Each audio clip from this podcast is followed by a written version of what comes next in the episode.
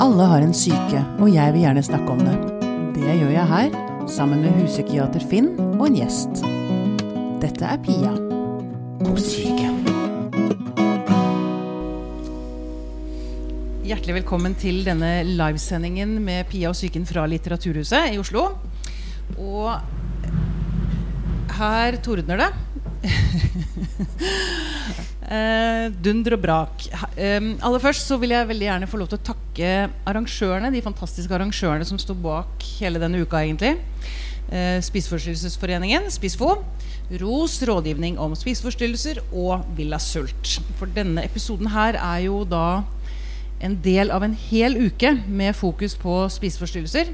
En uke som følger verdens aksjonsdag mot spiseforstyrrelser, som var søndag 2.6. En uke som vi satser på vokse, kommer til å vokse, vokse, vokse i årene som kommer. Um, er du tjukk i huet? Nei, feil. Er du tjukk i kroppen, så er du tjukk i huet. Dette er dessverre en ganske utbredt oppfatning der ute i verden.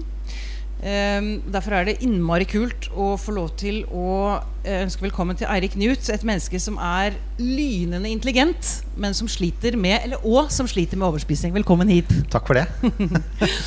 og på scenen så har vi selvfølgelig også med oss vår kjære huspsykiater Finn Skårderud. Velkommen. Takk skal du ha. Mm. Du, eh, eller dere, eller det vil si du, jeg skal begynne litt med Finn. Eh, fordi hashtaggen for denne uka det er jo med vekt på følelser. Så har jeg lyst til uh, Du er så glad i å leke med ord, Finn. Jeg har lyst til å snu litt på det. Og hvis vi sier Hvis vi legger følelsene på vekta, kan man si noe om Eller har mennesker som sliter med spiseforstyrrelser um, Har de mer følelser, sterkere, større følelser enn andre? Altså, du mener om de er om de veier mer, de følelsene? Ja. Nei, det gjør de nok ikke. Men uh, noe av utfordringen med spiseforstyrrelser, det er jo at disse følelsene kan være vanskelig å regulere. En måte å regulere dem eller ikke regulere dem på, er at også at man kjenner det kroppslig. Altså Det kan være sånn at hvis man har tunge tanker, så kan man føle seg veldig tynget.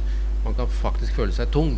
Mm. Altså Sånn kan spiseforstyrrelser virke. Mm litt for langt i den retning. Man blir jo ikke tyngre av å ha triste tanker, egentlig. Så sant man ikke da begynner å handle på det, f.eks. å spise for å slippe å ha de tunge følelsene. Mm. Er du med meg? Ja, mm, jeg er absolutt med deg. Ja. Absolutt med deg. Ja. Hele kulturen vår er jo sånn at den blander sammen eh, språk om mat og følelser. Mm. Altså, den var tung å svelge. Ja. Mm. Nei, den var slitsom å fordøye. Nei, den var til å spy av eh, osv. Altså, vi har jo et språk som også kobler følelser og kropp i veldig stor grad. Kanskje mer enn vi ønsker av til. Er det god ting? Eller? Jeg tror av og til så går noen seg vill. De ja. skal si noe som er billedlig, og så kjenner de det faktisk ganske kroppslig. Ja. Mm, nettopp. Ja, altså. Hovedtema for denne episoden her er da altså overspising, også kalt den tredje spiseforstyrrelsen.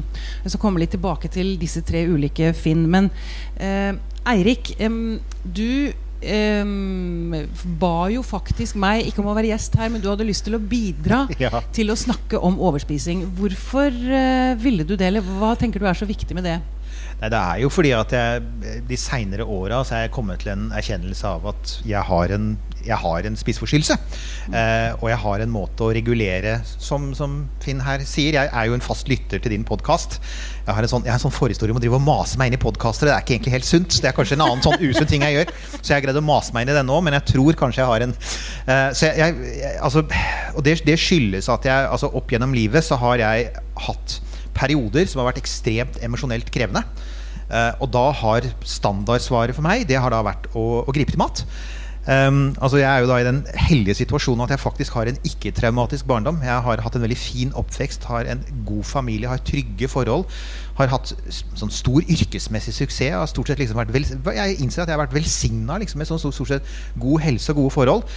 Men um, av og til, og det har skjedd tre ganger, og nå er jeg midt i en sånn tredje fase, hvor det, det inntreffer en situasjon som er enormt emosjonelt krevende for meg. Er, det er en situasjon som er hinsides min kontroll. Den involverer andre mennesker enn meg selv. Så jeg kan dessverre ikke si noe om hva det er, men jeg tror folk skjønner hva slags situasjon vi snakker om. Det er altså eh, hvor det er liksom tunge emosjonelle slag nesten hver eneste dag. Du må håndtere veldig vanskelige vonde følelser.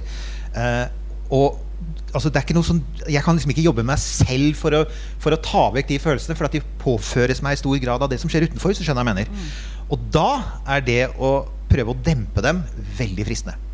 Men du, helt sånn konkret, hvordan arter din overspising seg? Jo, eh, den kan f.eks. arte seg hvis jeg da f.eks. får eh, en for det er mye telefoner, det er mye det, altså ting skal ordnes, det er mye dramatiske beskjeder, det er mye usikkerhet, det er mye utrygghet.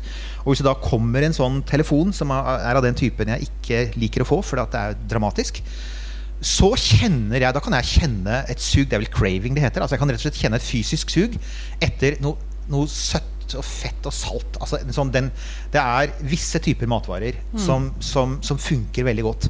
Og jeg, jeg tror egentlig at veldig mange kan relatere til det, for saken er at dette er den typen matvarer som nordmenn flest syns er best.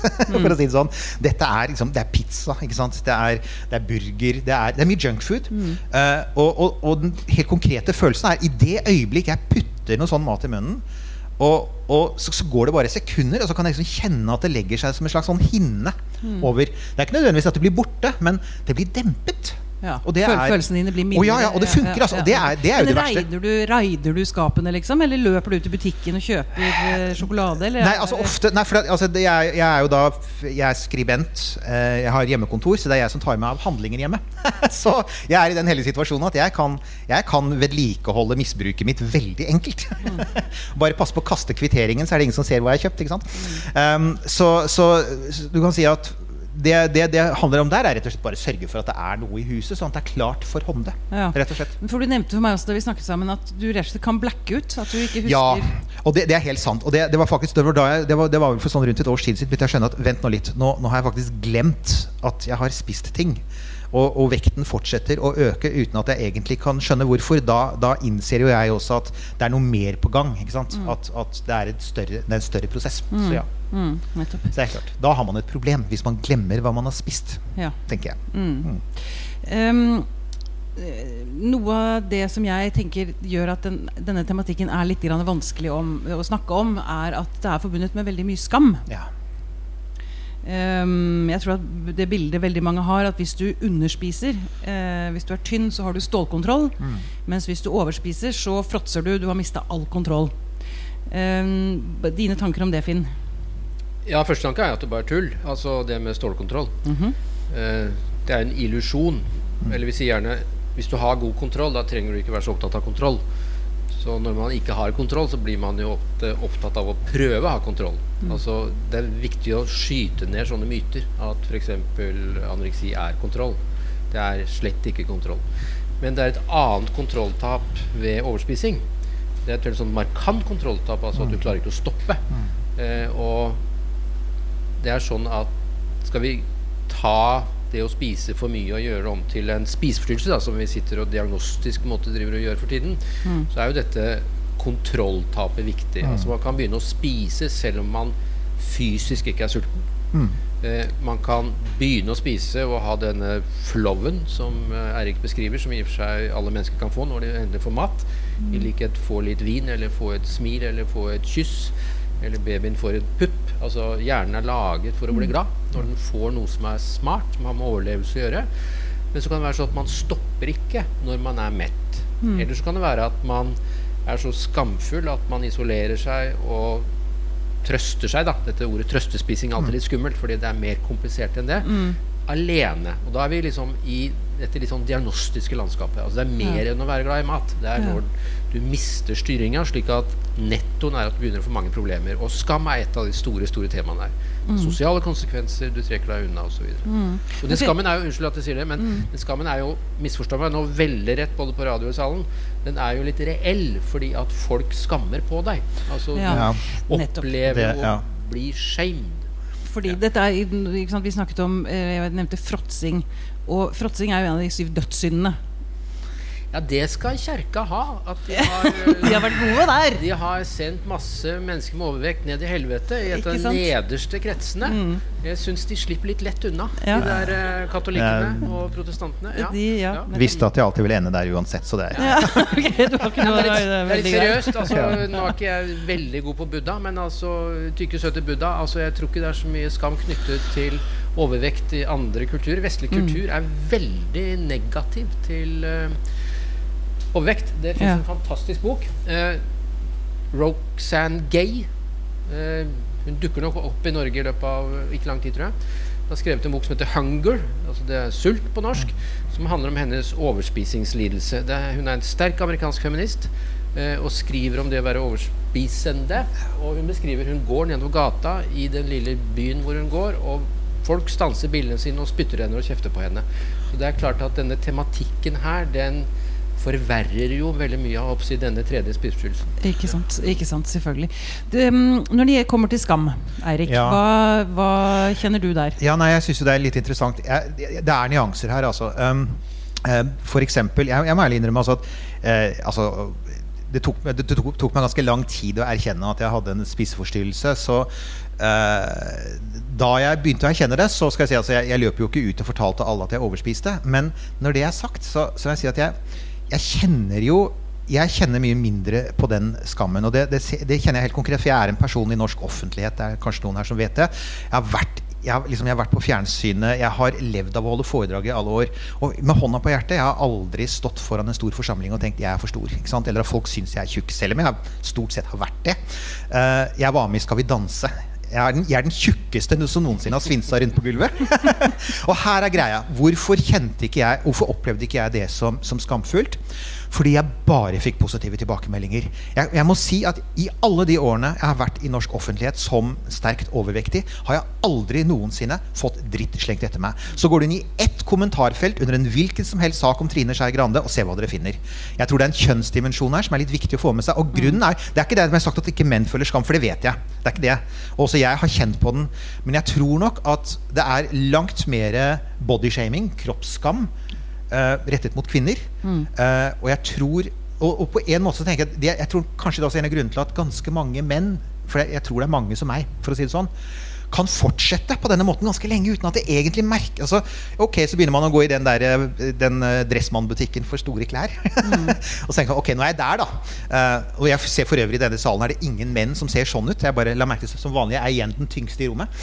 Men eh, eh, men jeg, jeg, ja. Ja, nei, jeg bare, em, dette med ord altså, det, det, det er jo veldig interessant at kvinner skal være så utsatt for ekstrem shaming i alle retninger. Det er liksom, virkelig, om- altså Det du forteller om der, er ja. Vi hadde jo eh, Fet, men fattet Karina Elisabeth Karlsen i studio som fortalte om dette. Hun gjør for, for øvrig en kjempejobb. ja fantastisk. å- ja, Hvis ikke veldig, dere har hørt bra. den podkasten, så hør den. Den er stor. um, men jeg bare tenkte på noe du nevnte. Eh, altså ord. Når man snakker om en stor mann, så er det liksom bamse. Ja. Man er røslig, man er, eh, Ja, ja. stor og trygg og sånn. eh, sånne ord har vi egentlig ikke på Nei, damer, det fins til og med der ute hvis dere går ut altså ikke, Jeg vet ikke om dere vil google det hvis dere har lyst til å bevare appetitten, men det fins et begrep som heter eh, dad body. og det er faktisk altså, Det er en slags erkjennelse av at hvis du er far, da, så kan du faktisk liksom sånn Du kan ha en litt slaskete kropp. Eh, og det er til og med folk som er litt stolte av det og viser fra magene sine. Um, og eh, jeg tenker igjen at, at igjen, det er selvfølgelig Det er ikke sånn for alle. Men at det er et større rom i samfunnet for at en mann kan være stor og grovbygd, bamse, kraftkar, røslig. Prøv å tenke hvor mange ord for kvinner dere kommer på i den sammenhengen. Også dere som hører på. Det, er mye vanskeligere. Så jeg, jeg tror dessverre Det kan godt hende med kirken å gjøre igjen, altså. men jeg tror dessverre at det, er, at det er enda hardere for kvinner enn det er for menn å være overspiser. Men dette, dette gjelder vel egentlig på veldig mange felt i samfunnet, Finn. Altså det, er, det er ikke spesielt for dette med kroppsutseende størrelse, egentlig. Ja, det er ikke spesielt, men det er veldig, Er ekstremt veldig markant. Markant, ja. veldig markant. Ja. Ja. Og det um, Altså, du har, du har jo fått veldig mye ros, Eirik, for at du som mann har lyst til å stå frem og snakke om dette. Det er veldig kult. Samtidig så sitter jeg og ser ut på, dette, på, på, på publikum, og vi kan vel være enige om én ting. Det burde vært mange flere menn her. Det burde vært mange flere menn på min alder, for jeg tror, jeg tror vi er en ganske stor gruppe. Og det burde helt klart vært uh, minst én overvektig mann til. mm. Vi får håpe at de hører på episoden. Ja, og så håpe at vi kanskje får litt mer, um, får litt mer søkelys på det. Fordi ja. igjen så er det uh, Ja. Det er, det er, et helseproblem, ikke minst. Ja, ikke sant. Um, um, når vi snakker om spiseforstyrrelser så er det jo mange flere menn som sliter med overspising enn med anoreksi. Det er vel én av ti som har diagnosen anoreksi. Tre til fire som har en overspisingslidelse. Hva tror du det kommer av, Finn?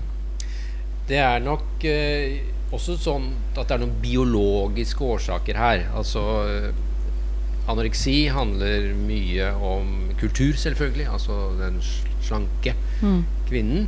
Eh, men det er noe med kroppssammensetning, fett, fettprosenter osv. som gjør nok at eh, den avmagrete mannen er et sjeldnere fenomen, også på noen biologiske grunner. Men det er all grunn til å tro at det er veldig kulturelle ting som styrer dette her. Eh, og da er det jo interessant å se hvor er det gutta dukker opp, eller hvor er det mennene dukker opp. Mm. Og de dukker opp gutta eh, før pubertet. Altså Hvis vi ser på kjønnsfordelingen på anorektiske gutter og jenter, så er den helt annerledes enn når du har gått i en pubertet. Men så kommer den eh, nettopp ved overspisingslidelsene. Det er som du sier, tre til fire er menn. Tallene våre er stort sett amerikanske. Eh, den skiller ikke på farget hvit, f.eks. Det gjør eh, anoreksi. Oh, ja. ja. Gjør det det? Så det er noe interessant at her kommer mennene. Og sånn som Erik også sier, eh, mer enn tenåringer og unge folk. Altså her kommer voksne folk. Mm. Uh, så dette er også Hva heter det? Yngre eldre, holdt jeg på å si, og eldre mm. eldre. Altså 30-40-50-åringer. Her kommer mennene. Og da er det mm. tre-fire uh, av ti. så dermed så må vi gå til mange av disse for å lære om maskuline erfaringer. Og hvis vi går til maskuline erfaringer Nå skal jeg si noe litt komplisert, men jeg syns egentlig det er ganske smart. Uh, det er greit. Det er at hvis vi går til menn for å lære om spiseforstyrrelser, så lærer vi litt mer om hva spiseforstyrrelser egentlig er. Oh. Fordi at spiseforstyrrelser hos kvinner er så forurensa av femininitet. Nemlig av at damer skal være sånn, og damer skal være sånn, skal være damer sånn. Det er så mye idealer. Hvis vi mm. tar bort det og ser på liksom den rene spiseforstyrrelsen, da er det nesten lettere å se hva det er hos menn. Mm. Og da er det tap av kontroll. Det handler veldig mye om tap av kontroll. Mm. Å bruke mat, kropp, til ikke-fysiske fenomener, men til psykiske og sosiale fenomener. Psykisk regulerer følelser man ikke regulerer. Mm. Ja, det, dette er, lyder veldig velkjent. Det er jo akkurat sånn det er sånn jeg opplever det. Tap av kontroll tror jeg er veldig viktig. Jeg har jo sittet i mange samtalegrupper som følge av den situasjonen jeg havnet i. Og da kan jeg si at det er, det er full, det er, altså Disse gruppene er fulle av folk som er havnet i en situasjon hvor de ikke lenger har kontroll over det som skjer rundt dem, og det stort sett er enormt store emosjonelle belastninger.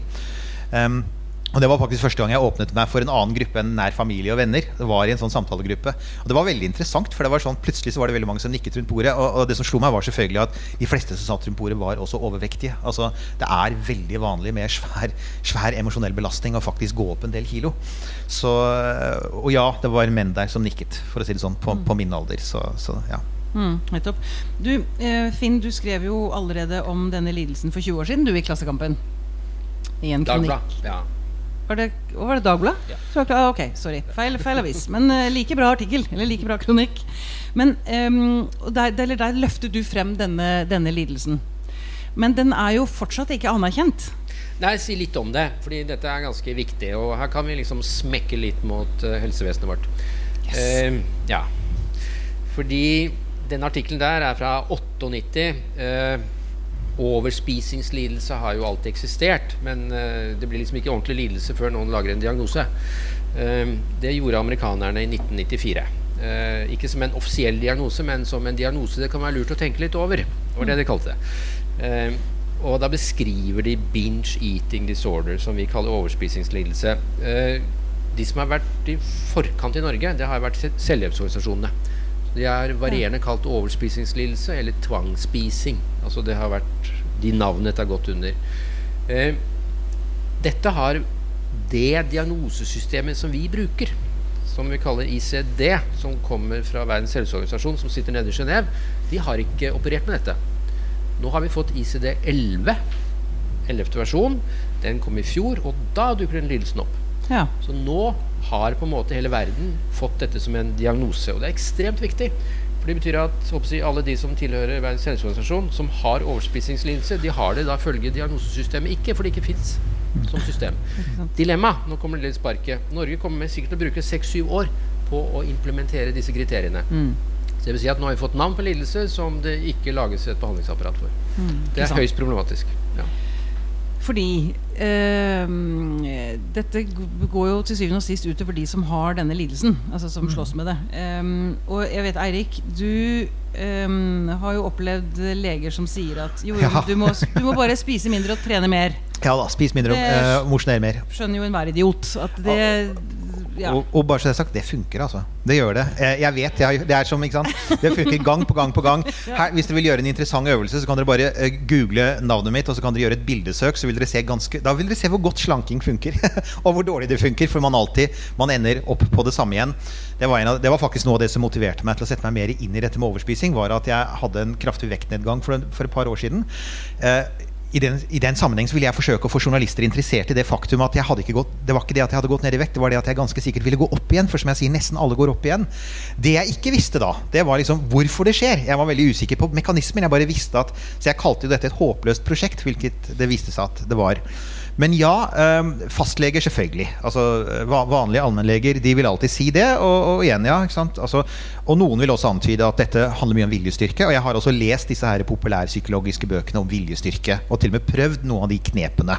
Og det har da ikke fungert særlig godt. Jeg har også da opplevd ganske nylig å ha en psykolog som, som ikke skjønte dette. Altså jeg tok det opp, og, og hun klarte det ikke, for å si det sånn.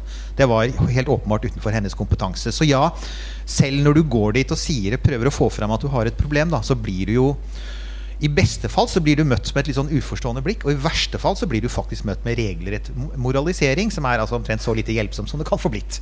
Altså Å prøve å fortelle noen at um, Å få noen til å gå ned i vekt for å fortelle dem at de er et dårlig menneske, er, det, er, det, er ikke, det, er, det er sjelden en særlig god strategi. Men det er, det er ganske skandaløst at leger og, og til og med psykologer eh, De vil ikke røre borti det, dette, liksom. Ja, men jeg tror mye av det handler om at vi har ikke kompetansen, og da må vi bare håper begynne å skaffe den. Du kan jo leke da litt med stolen og si at ja, folk blir avspist med manglende interesse her. eh, men vi må lære litt om det. Eh, og jeg tror Første gang jeg jobbet med en pasient med dette temaet, ca. 30 år siden, tenkte jeg, så var det en veldig sånn klassisk historie. Jeg har prøvd alt. Mm. hva hadde man prøvd alt hvis man eh, levde i Norge for 30 år siden? Jo, da hadde man prøvd så og så mange Grete Rode-kurer, og så tror jeg så vidt Fedon hadde kommet til Norge fra Hellas. Så da hadde man prøvd de, og så hadde man prøvd selvfølgelig Nutrilett, og så hadde man prøvd Cambridge-skolen på postordre. Det var mye postordreslanking den gangen. Så hadde man prøvd alt dette, og da hadde man vel gjort sånn som Eirik har gjort, da, drevet med jojo-slanking. Som helsefarlig i seg selv er det. Det er det. Fordi da brenner du av muskler og når du går ned, og så legger du på fett, og så driver du og skaffer deg et, i og for seg et farlig liv. Så kom denne personen til meg og sa at 'jeg har prøvd alt, jeg har ennå ikke prøvd psykiatrisk slanking', sa han. Altså, eh, om ikke jeg kunne slanke henne. Og det var kjempeinteressante samtaler hvor jeg bestemte meg for at dette må jeg avslå. I betydning, Du kan begynne hos meg, vi kan jobbe med spiseforstyrrelsen din, men jeg nekter å gå med på prosjektet om å gå ned i vekt. Ah. Eh, For da blir jeg bare én av slankerne i tillegg. Eh, så vi skal jobbe med spiseforstyrrelsen, og så får du velge selv å gjøre hva du vil med vekta di hvis dette går bra. Vi jobba sammen et par år. Det gikk bra. Hun gikk ned i vekt, og så syntes hun det egentlig ikke var der hun skulle være, så hun gikk en del opp igjen. Det hun sa, dette er min vekt. Den var lav overvekt. Men her er det jeg hører hjemme. Så jeg tenker at når vi i psykiatrien skal jobbe terapeutisk med dette, at vi ikke går på at liksom det her handler primært om vektnedgang. Det handler om å få kontroll over at du misbruker mat for følelser. Dette tenker jeg er ganske viktig. Det kommer til å være mange som kaster seg på. Ja, nå skal vi få dem ned i vekt. Nei, vi skal jobbe med spiseforstyrrelser. For det vet jeg, det er jo dere veldig opptatt av dette med akkurat selve tallet. Altså selve veiingen er, kommer nesten bare i veien for, eh, for prosessen. Jeg tror det ødelegger for en del altså, Ja, jeg vil prøve psykiatrisk slanking, jeg òg. Ja, pluss at altså, jeg vet ikke hvor mange altså, Jeg er muligens den av oss tre på scenen som har slanket seg mest. Og jeg kan si at slanking er utrolig slitsomt. Uh, og jeg tror ikke jeg ville klart å gå gjennom en slags altså en, psykologisk, psykiatrisk prosess og slanking samtidig. En av de tingene som skjer når du tross alt skal mosjonere mer og spise mindre, og ikke minst spise så mye mindre da, som du egentlig bør over så lang tid for å gå ned så mye som legen sier at jeg trenger å gjøre, er, du merker at du påvirkes mentalt. Du blir rett og slett utslitt av det. Så, så, så, det, så snart jeg hører begrepet psykiatrisk slanking, så tenker jeg oi, hvordan i all verden skal et, et stakkars lite hode liksom mestre så mange ting på en gang? Mm. Uh, og, og, dessuten så er det jo også jeg, jeg, er helt overbevist om at det er ganske skjer noen sånne hormonelle ting også når du slanker deg. Altså du, får, du får sånn uh, følelsessvingninger. Det er masse rart som skjer. Som jeg tenker det kan umulig være særlig godt for å få en erkjennelse av hvorfor du overspiser. da mm. Mm. Jeg mente ikke å leke for mye med ord. Jeg sa avspist, så mente jeg egentlig litt avspist. fordi at det som dere har beskrevet, eller også Eirik, at liksom man blir avspist da med en beskjed om å sykle mer og mindre fjernkontroll og legge om livsstilen. Men altså når vi begynner å gå inn i fenomenet overspisingslidelse, så ser vi at mange, om ikke du, har historier som ikke er ålreit. Mm. Altså, ja. Mange har jo en ja, ja traumeerfaring. Mm. Eh, mange har omsorgssvikterfaring. Jeg sier ikke at alle har det, men altså mange har. Eh, og det er veldig viktig å ha en nysgjerrighet med hva slags fortellinger folk har. Mine første møter med barn med spiseforstyrrelser, med overspising For at anoreksi har en tendens til å debutere 14 år ifølge statistikken, men snakker du med guttene og jentene, så var det 11, sier de sjøl. De bare at uh, folk skjønte det ikke. Mm. Uh, bulimi debuterer stort sett seinere. Uh, Binge-eating kan debutere primært hos en 5-6-7-8-åring. Mm. Ofte knytta til alvorlige følelsesmessige temaer som omsorgssvikt. Mm. første jenta jeg møtte på noe som het Statens senter for barndomspsykiatri, som var et kjempebra arbeidssted, det var så bra at det ble lagt ned. Uh, det var en jente hvis far satt på Ullersmo og sa 'når jeg kommer ut igjen, skal jeg drepe deg, mora di'. Mm. Og jenta pakka seg inn i mm. et vern. En annen jente Bror og søster var misbrukt seksuelt. Gutten sier 'jeg ble rasende, søstera mi ble tjukk'. Hun spiste seg ut av den seksuelle scenen. Mm. Dette er mange historier om nettopp at det er historier som ikke har så mye med ergometersykler å gjøre. Ja, ja, nettopp. Jeg, jeg, tror jeg har brukt dette eksempelet i en, en podkast tidligere, men eh, um, jeg husker jeg snakket med en venninne som eh, nok kanskje også har en overspisingslidelse. Det, det, vet jeg ikke, men som slet med overvekt. Men, og jeg tenkte hennes, Hun beskyttet seg, mens jeg som da heller sliter med undervekt, prøver å forsvinne. Kan man forenkle altså Når man tar anoreksi, bulimi, overspisingslidelse At det er, det er mye der. jeg får si det veldig enkelt. Når du sier det sånn, så er det sånn. Altså, men altså, dette, er jo, dette er gangbare måter å kunne forklare det. Fordi mm. man snakker om at kroppen blir et språk for sinn. Mm. Altså bli borte, gjøre seg mindre, ta mindre plass. Mm. Eh, fylle seg, mette seg, lage beskyttelse. Dette er konkrete metaforer i spiseforstyrrelser. Altså mm. det blir kroppslige språk for indre liv og for sosiale liv. Ja. Mm. Nettopp. Um, du sa Eirik, at du, du, skjønte for et års tid siden at du rett og slett har en overspisingslidelse. Ja, jeg kom til det via sånn Jeg begynte å skjønne det med sånn altså emotional eating. Det er altså at, at, spising faktisk ofte har en følelsesmessig komponent. Som du var inne på dette med hva maten faktisk gjør med rett og slett gjør med hjernene våre. Mm. Uh, og, uh, og, det, du starter, det, det, liksom det starter med, er at egentlig så driver de aller fleste av oss med emosjonell spising. Det gjør vi jo faktisk. Altså, det, igjen, det faktum at de mest populære matrettene i Norge er typisk emosjonell spisemat. Kosemat. Uh, jeg pleier å si at det, det beste eksempelet på det er faktisk julemåltidet. Som, en, som i, i, Norge er en overdose av fett og salt og søtt. Og, og tro meg, altså, de, de, følelsene som den maten genererer, er en veldig viktig del av juleopplevelsen. Så faktum er at de fleste, hvis de tenker etter, så kan de kjenne igjen litt den gode følelsen du får av mat. Og så tenkte jeg, og så fra det så går man da til emotional overeating. Emosjonell overspising.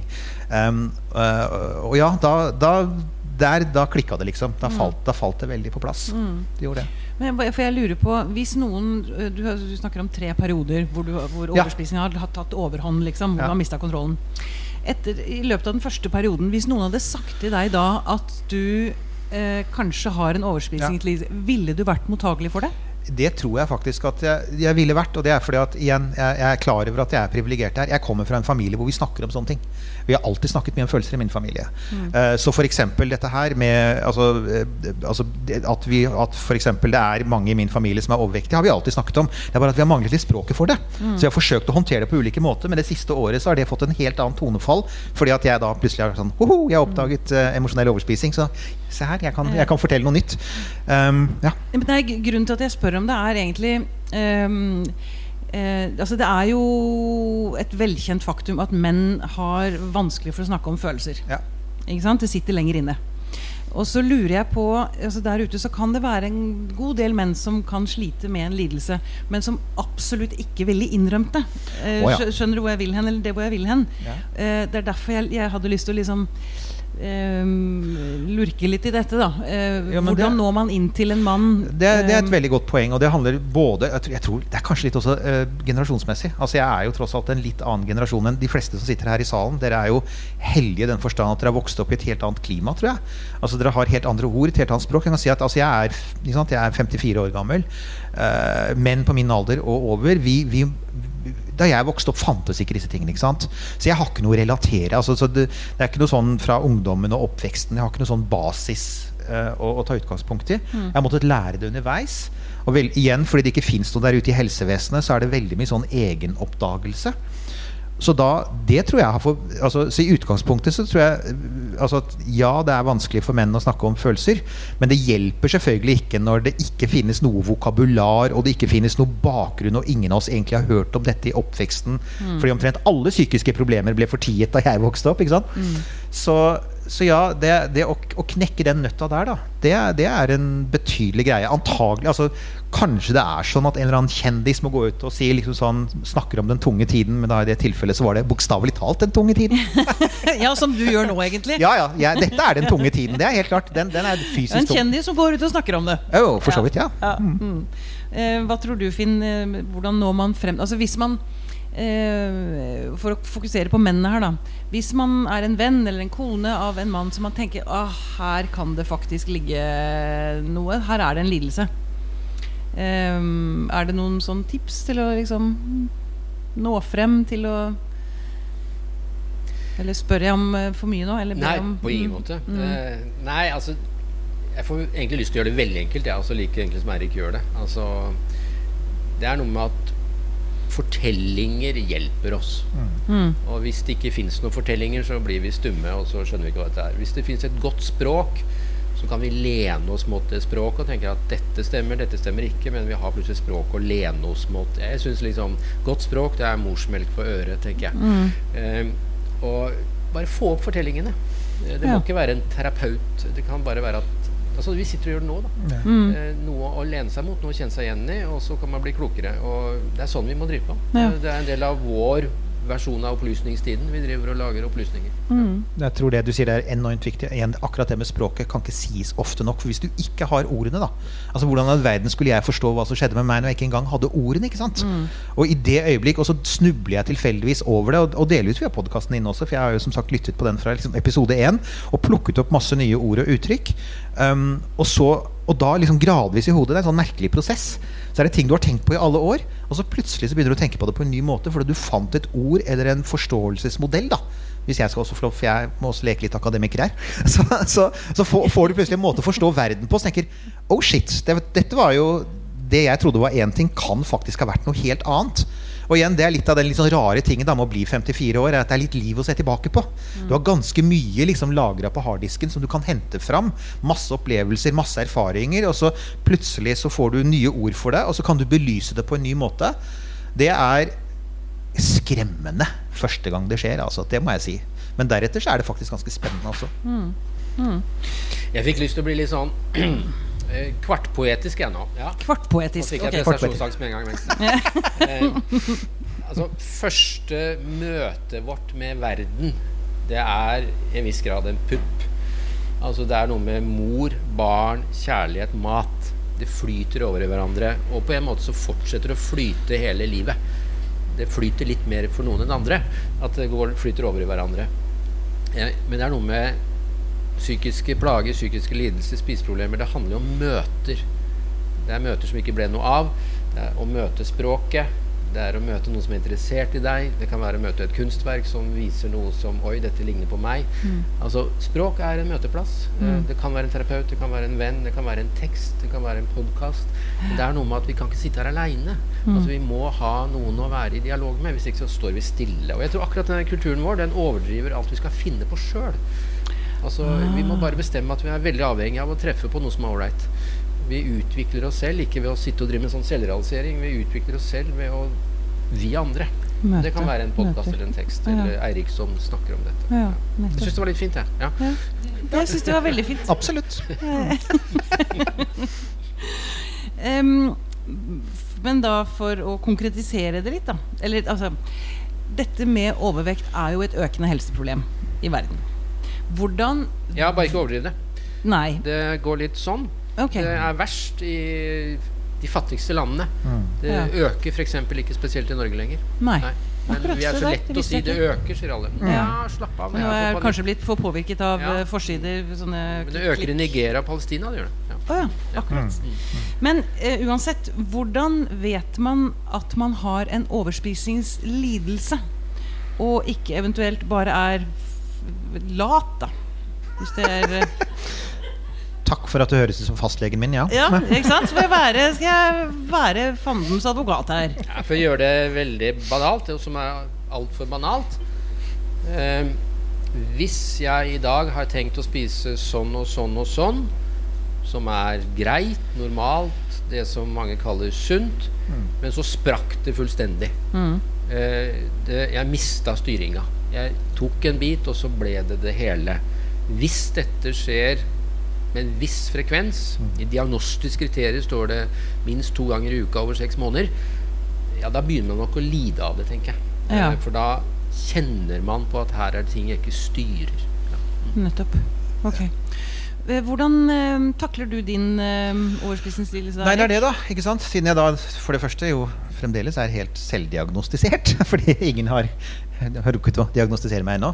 Og for det andre, selvfølgelig, jeg visste jo ikke om altså, Nå har jeg jo da skjønt at det finnes kurs i mindful eating og slike ting, så det vil jeg helt klart vurdere. Um, men inntil nå, så altså Som alltid, så er det selvfølgelig Det er alltid en bra ting å vite hva som, hva som foregår. Så for eksempel, altså, Alle vet jo det igjen. Altså at eh, norske alle, alle matvarebutikker er jo designet på en bestemt måte. Og det er å trigge behovet ditt for å kjøpe junkfood. Og Derfor så har du sånne impulskjøphyller for eksempel, rett ved kassa. Og de kan si at de er, de er jo gift for sånne som meg. Altså? De er jo, det er jo akkurat det siste jeg trenger. Så, så en ting som jeg har for så vidt som har vist seg å være verdifullt, da, det er å kunne si når jeg faktisk står foran en sånn hylle. Og det har jeg gjort mange ganger. altså så kan jeg si ok, hvorfor står du her nå? Ikke sant? Hva er den konkrete grunnen? Var det den telefonen, eller var det det møtet, eller var det den tingen du fikk høre eh, som, som gjør at du nå står her og, og trenger å, å, å dempe en sånn emosjonell smerte? Da. Um, og det, si det har ført til at jeg helt klart at det skjer sjeldnere, men det har helt klart ikke stoppet. Og det, det rare er at nå er jeg liksom bevisst på det. Nå vet jeg altså at Nå vet jeg at den sjokoladen faktisk gir meg den der lille sånn smooth-greia. ikke sant? Det jeg egentlig ikke skjønte det før. Så det, er- har slått litt begge veier. da. Så det er ikke sånn at du automatisk Erkjennelse fører jo ikke automatisk til at, at alt bare stopper. Det er mer komplisert enn som så, men det har klart vært verdifullt. da. Det er en start, i hvert fall. Ja, ikke sant? Jeg tror du kan være enig med at innsikt er litt oppskrytt. nemlig. nemlig. Og her, her har du helt konkret eksempel. Man kan faktisk bruke det til å si ja, men vet du hva, jeg, dette kan jeg gjøre. Men du, jeg kan det være jeg kom på noe Kan det være Jeg, jeg, altså, jeg gjør jo det samme. Jeg elsker å kjøpe en pose med bamsemums jeg, når jeg trenger trøst. Pia, eller- Pia, Pia. Altså, unnskyld, kan vi være enige om at vi snakker om litt to forskjellige ting her? Ja, jo, jo. Men vi snakker om comfort food, ikke sant? Det gjør vi, og det Men- trenger vi alle, ja. Og så sier du at denne maten, eller sukker eller fettet, legger seg som en sånn beskyttende hinne rundt Ja. følelsene dine. Mm. Kan det nesten eh, jeg holdt på å si være en god ting òg? Altså, kan følelsene bli så sterke Ja. at det blir farlig, i film? Eller, altså, skjønner du hva jeg mener? At det, blir, Ja. det blir jo som et dop, da. Altså Av og til så tenker jeg at den der bransjen jeg er medlem av vi ljuger veldig mye. Ja, ok. Da, For eksempel kan vi finne på å si noe så idiotisk som 'følelser er ikke farlig'. ja. Altså hvis, noe, er, hvis det er noe som er farlig, så er det følelser. Ja. Men ikke for alle, og ikke alle følelser. Altså Følelser er farlige når du ikke klarer å ha dem uten å måtte gjøre noe med dem. Ikke sant? Hvis du må selvskade deg, hvis du må overspise, hvis du må sulte deg, hvis du må drikke, hvis du må ta osv. Da er jo følelser farlig, for da, det betyr at da er det sånn at ikke du holder ut dine egne følelser. Så det handler jo veldig mye om Ja, det kan være lindrende, og det kan være smart osv. Men den ideelle drømmen da er at du kan ha følelser uten å måtte begynne å handle. Ja. Og faktisk være trygg på at de stort sett går over. Ja. En 14-åring tror ikke at følelser går over. Altså Når man begynner å bli såpass voksen som uh, Eirik og meg, så vet vi at ting går jo ofte over. Særlig glede syns jeg går over. Altfor fort! lykke er Det er liksom kortreist. Eh, men det er liksom det å ikke agere som kanskje er det som er viktig. At Eirik tar seg en sjokoladebit er sikkert ikke noe farlig, men det er nok farlig for han hvis han føler at 'jeg er ikke en aktør i eget liv, jeg er bare en passasjer'. Da har vi et kjempeproblem. sp Spørsmålet mitt er om følelsen hans Hvis, den hadde blitt, hvis han ikke hadde dempet følelsen, da. Ja, Altså- nei, ideelt sett, hvis Eirik hadde begynt hos meg, så hadde vi nok skulle si Hvordan kan du tåle disse følelsene uten å måtte ty til det ene eller det andre? Ja. Men jeg unner deg en sjokolade. Ja, hvis, hvis, no, hvis noen lurer på hvordan det er å sitte i et rom og høre andre snakke om en selv, så er jeg der nå. Skal jeg si noe, eller? Dere kan godt fortsette å snakke om meg. altså Det er kjempeinteressant. Jeg snakket ikke om deg konkret, jeg snakket mer om Nei, jeg eh, liksom, men, så, men altså, du sier kan følelser være farlige? Altså, jeg har hatt Og det, igjen, det har vært særlig, særlig i forbindelse med liksom, det siste året. Bare, faktisk For tre måneder siden så hadde jeg en episode hvor jeg hadde Altså jeg hadde følelser som var så sterke at jeg måtte altså fysisk Jeg måtte gå inn, jeg gikk inn på biblioteket på Sandaker her i Oslo og satte meg ned i en stol inni et hjørne og satte på meg sånn støydempende høretelefoner og bare satt helt stille i en time for å kjempe dem ned, fordi at det var sånn at jeg nesten ikke kunne puste.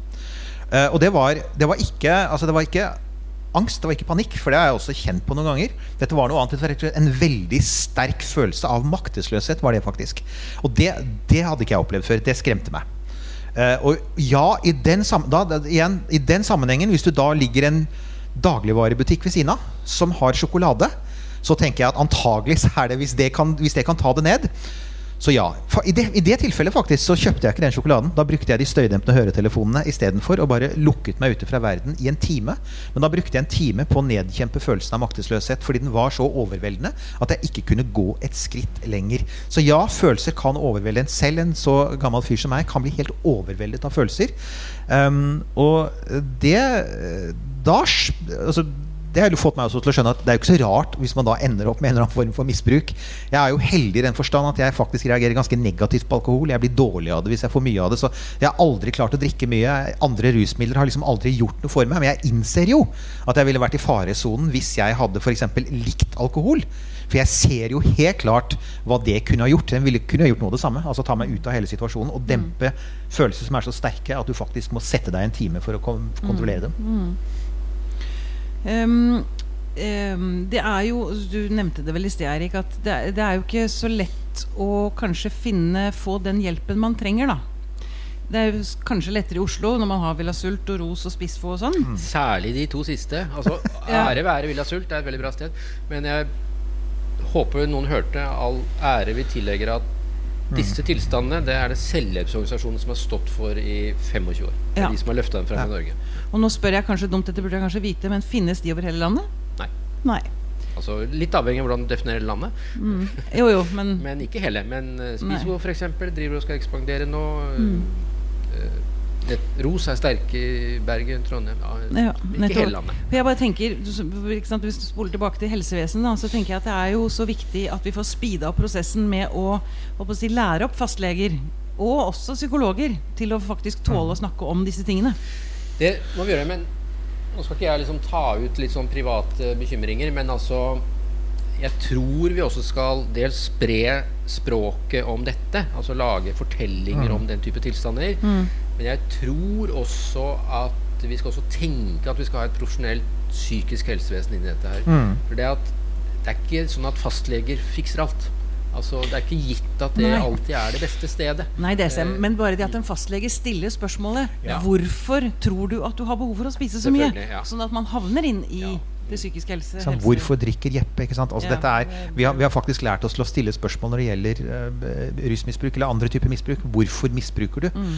Um, og, og det spørsmålet blir altså rett og slett ikke vi som kommer inn og veier altfor mye hos en lege noensinne spurt. Uh, så det er ja. Det, er, Mm. det, vil være et veldig godt sted å starte. For om ikke noe annet så vil du sette i gang en prosess også. Altså vil du sette i gang en ny prosess liksom, på det legekontoret. da for det handler jo med det også. Det er jo en slags dynamikk der. Og i, i prinsippet, hvis du skal gjøre noe med sterk overvekt som er helseskadelig, som mange av oss har, så, så er det et langvarig prosjekt. Og det bør jo helst være et samarbeidsprosjekt. Og det bør jo være da helst under kontroll av lege. Og, og jeg er jo ikke det minste overrasket over at alle de prosjektene jeg har hatt med leger, har mislykkes. Når jeg tenker på nå at denne komponenten var helt fraværende. Og det, var, og det det da altså rett og slett handler om, er den der rare greia. Altså at det at jeg alltid har endt opp på en høy vekt etter, etter sånne perioder. Og jeg har liksom lurt på hva var det? Og nå ser jeg jo at antagelig er det denne overspisingen som på en måte er drivfjæra i det. Og det er klart at den, altså Hvis man ikke har den kunnskapen på, på begge sider av bordet, så kommer du aldri til å kunne få et godt og jeg snakker ikke om vektreduksjon for øvrig, jeg er opptatt av vektkontroll. For det, det, vi tre, man, trenger, man trenger kontroll over sin egen vekt, for ellers er det farlig. Det er det helt klart.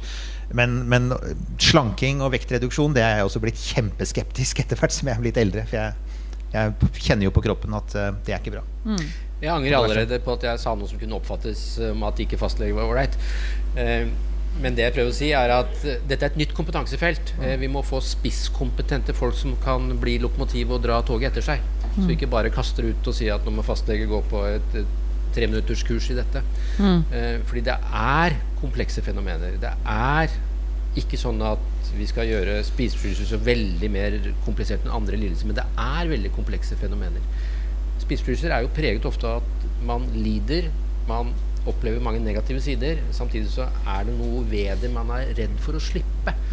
Og det er komplekse tematikker som liksom ikke er så lett å ta på åtte minutter på et eh, legekontor. Mm. Nylig rapport nå som sier at eh, eh, overvekt i primære helsetjenestepraksis eh, har lite effekt, og stort sett pasienter og leger er frustrerte begge to. Ja. Så jeg tror vi må liksom lage noen tog av kompetanser her. Det er jo, det en ting her som jeg, som jeg også er litt opptatt av. Det er jo at um, altså for det, Jeg har jo også vært ute for folk i, liksom, i behandlingssystemet som sier jo, jo, dette er jo altså, Du er jo matavhengig. Det er jo litt som å være alkohol- eller rusavhengig. Så, jeg, så tenker jeg, så, så enkelt er det jo heller ikke. Fordi at ja, jeg er helt klart altså, jeg har jo helt klart en overspising, sånn avhengighetslidelse av noe slag.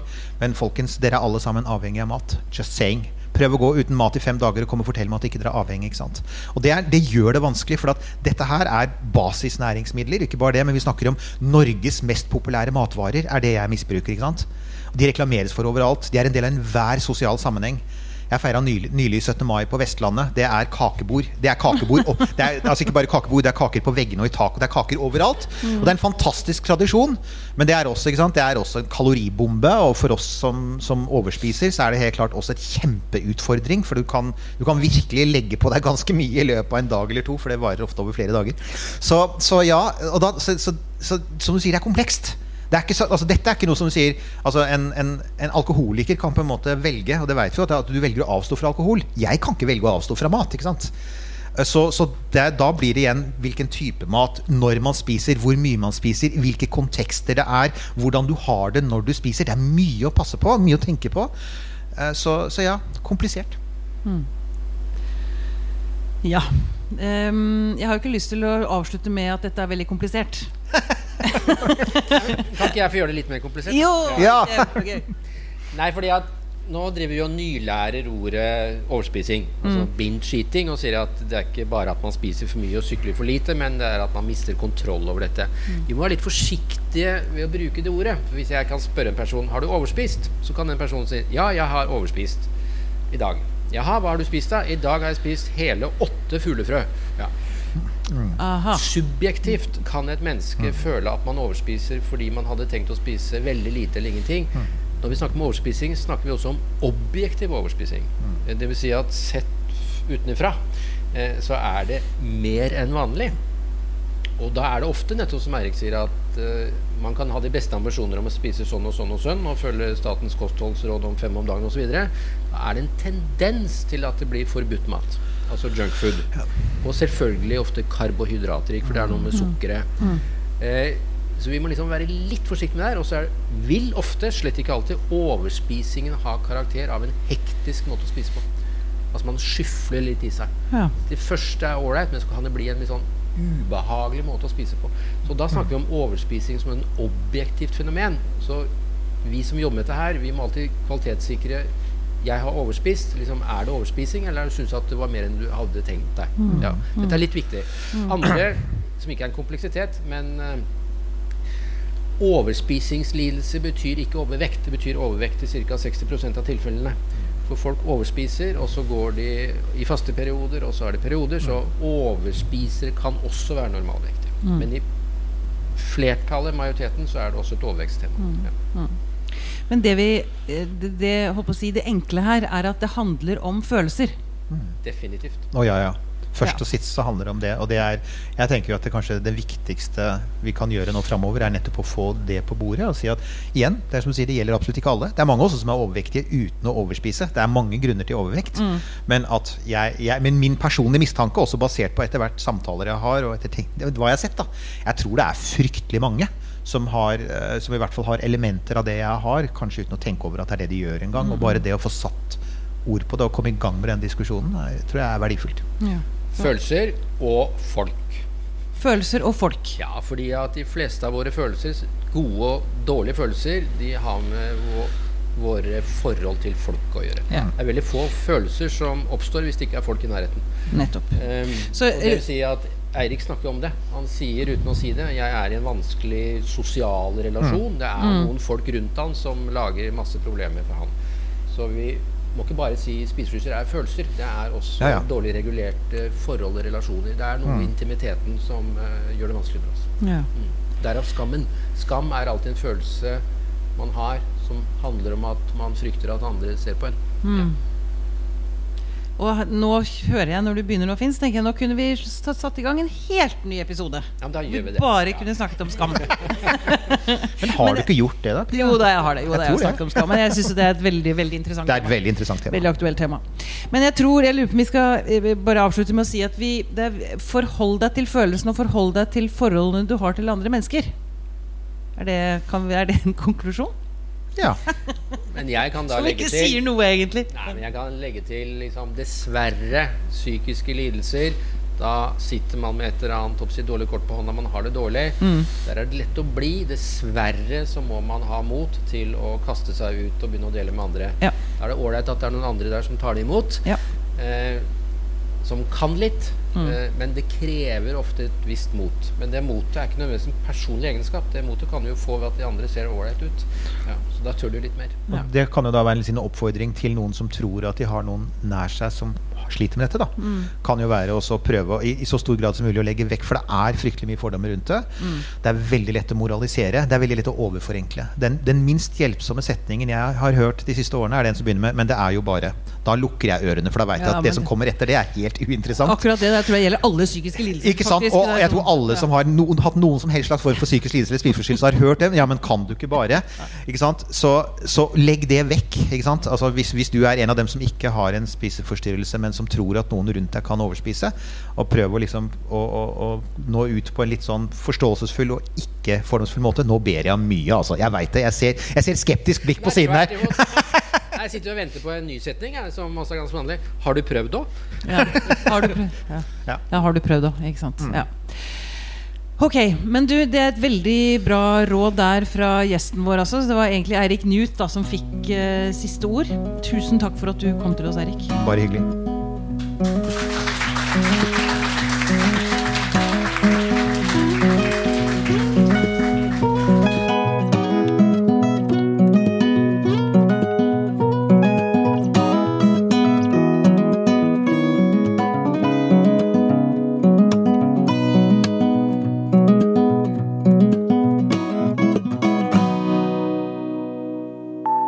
Podkasten er produsert av Tid og Lyst. Med støtte fra Ekkos legat.